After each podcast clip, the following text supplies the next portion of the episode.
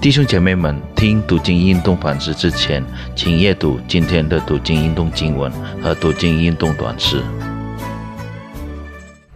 各位弟兄姐妹，大家平安！感谢主给我们这段的时间来思想上帝的话语。思想上帝的话语之前，让我们一起来祷告。亲爱的天父，我们感谢你，你赐下这段的时间，让我们能够安静在你的面前。求你对我们说话，恩高你卑微的仆人，能够把你的话语讲得清楚，来建造我们每一个人。奉耶稣基督圣名求祷告，阿门。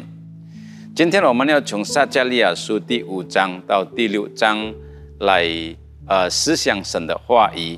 那从这一段的经文，我们大家思想一个题目，就是建造耶和华的殿。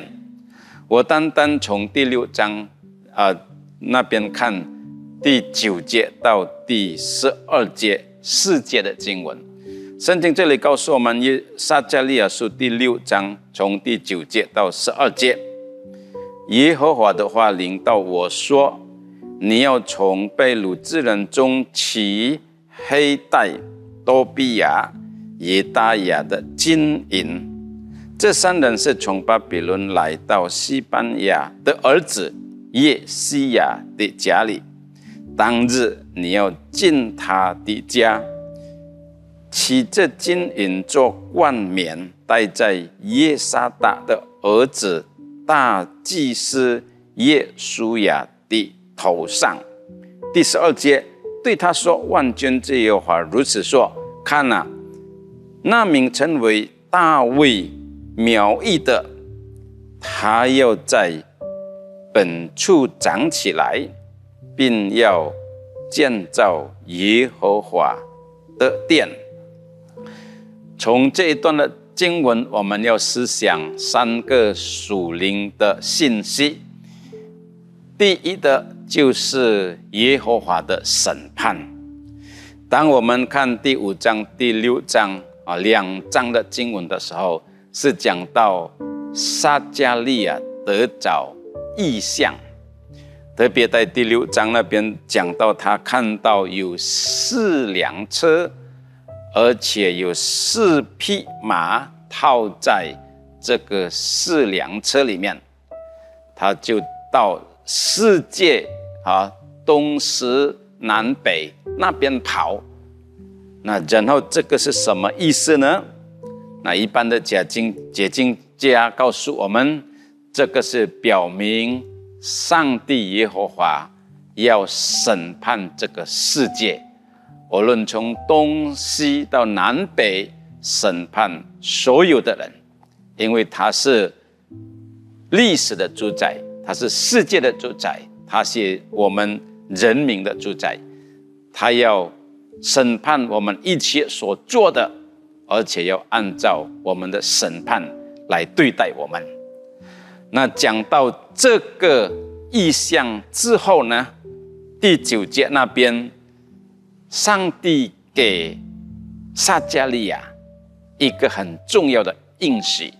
那这个就是第二个信息，就是有关米赛亚的来临。那如果我们看第九节的时候，这里说耶和华的话领到我说，就是在意象之后啊，耶和华对撒加利亚说话，叫他要从这个黑带多比亚还有耶大雅这三人里面取他们的金银。第四一节，然后说。起了之后拿了拿了之后，这个金银要做一个冠冕，然后这个冠冕要戴在大祭司耶稣雅的头上。那各位弟兄姐妹，这个是一个预言，也是一个应许，就是说将来啊，这个大祭司耶稣雅他要得着这个冠冕，是从金银来做的。冠冕就是表明权柄，也是表明国王的地位。然后耶稣呀，这个名字呢，跟耶稣的名字是同等的，也是跟米赛亚的名字也是同等的。所以这一节的经文是告诉我们，将来米赛亚要来临，上帝要审判这个世界，透过米赛亚的来临审判，然后米赛亚耶稣基督他要掌权，他要管这个世界所有的人。然后接下来第十二节那边说，又对他说：“万军计划如此说，看呐，那名称为大卫。”嗯，苗裔的，他要在本处长起来，并要建造耶和华的殿。那各位弟兄姐妹，第十二节这里讲到，另外有一个名字就是大卫的苗裔。那苗裔，呃，这个一般的解释就是讲到大卫的后裔的意思。那我们从旧约圣经来看，并且看到新约的圣经里面。那这个大卫的后裔，就是指到耶稣基督。耶稣基督要来到这个世界，他要成为救主，但是耶稣基督也是要第二次再来审判世界的人。所以这里是讲到啊，耶稣基督第二次要来到这个世界，他要审判所有的人民啊，看他们一切所做的如何。那第十二节这里说，他要在本处长起来，这个什么意思呢？讲到大卫的苗裔，就是大卫的后裔，耶稣基督要在他的本地啊本处长起来。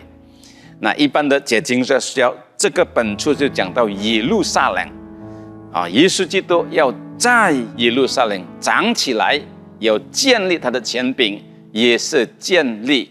他的国度，呃，接下来十二节的后半节那边说，并要建造耶和华的殿，就是讲到弥赛亚要建立耶和华的殿。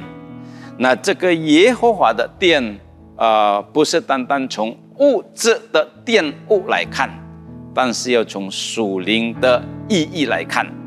耶稣基督在约翰福音第二章那边告诉我们，耶和华的殿就是他的身体，而且在哥林多前书那边告诉我们，耶耶和华的殿就是教会。那意思说，耶稣基督来到这个世界，要建立他的教会，也是建立他的国度，他要审判世界所有的人。那这一段的经文是讲到主耶稣第二次要再来到这个世界。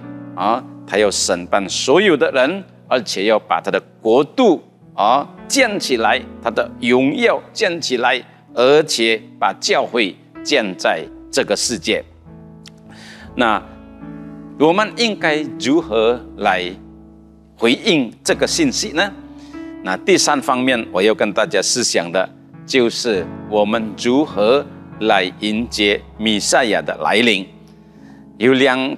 两方面，我们应该从现在开始啊，怎么样来预备我们自己迎接弥赛亚耶稣基督第二次的来临？第一方面，我们要谨慎如何建立一个圣洁的生活，也是一个啊敬畏耶和华的生活，这个是非常的重要。在今天很败坏的世界、弯弯曲曲的世界里面，我们要抓紧我们的信仰，忠心的跟随耶稣，不要按照世界的啊这个风俗，而世界各种的厌乐啊，被他这个拉去。我们要站立得住，在我们的信仰中心跟随耶稣，保持一个圣洁的生活，敬畏上帝的生活。那因为有一天，我们一切所做的，我们都要带到主的面前，上帝要审判我们。那如果是今天耶稣第二次再来的话，你怎么样来迎接他？你怎么样向他交代呢？那我们要有一个好的交代。如果我们能够保持一个圣洁、敬畏上帝的生活，那这个是第一第。呃，第一个重点，第二个重点，我们如何来迎接耶和华啊？都就是弥赛亚的再来呢？就是要忠心来侍奉上帝。上帝把他的工作交在我们的身上，上帝托付我们，上帝信任我们，上帝给我们权柄来侍奉他。今天你我都是上帝的儿女啊，有这个传福音的责任，有建造教会的一种的责任。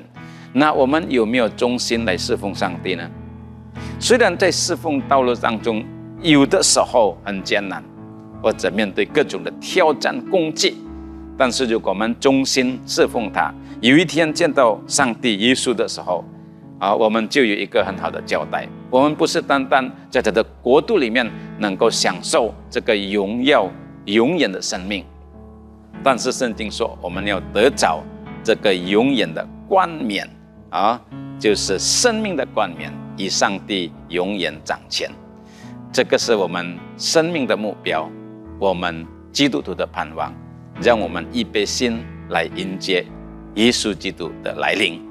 我们一起祷告，亲爱的父神，我们感谢你从撒加利亚书特别第六章，我们学习到一个重要的信息：主啊，你要再来，要审判每一个世界的人。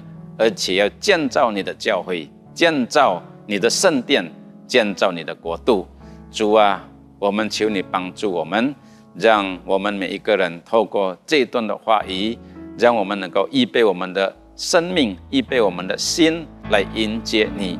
无论在生活上面、侍奉方面，在家庭、在教会、在社会，无论我们在哪里，我们要建立一个敬畏上帝的生活、忠心的生活。也是多多热心侍奉上帝的生活。有一天我们见到你的时候，我们就欢欢喜喜的进入你的国度。你的仆人为每一个弟兄来祷，每一个弟兄姐妹来祷告，让主恩待我们，让主引导我们，恩上加恩，利上加利，奉耶稣基督生命求祷告，阿门。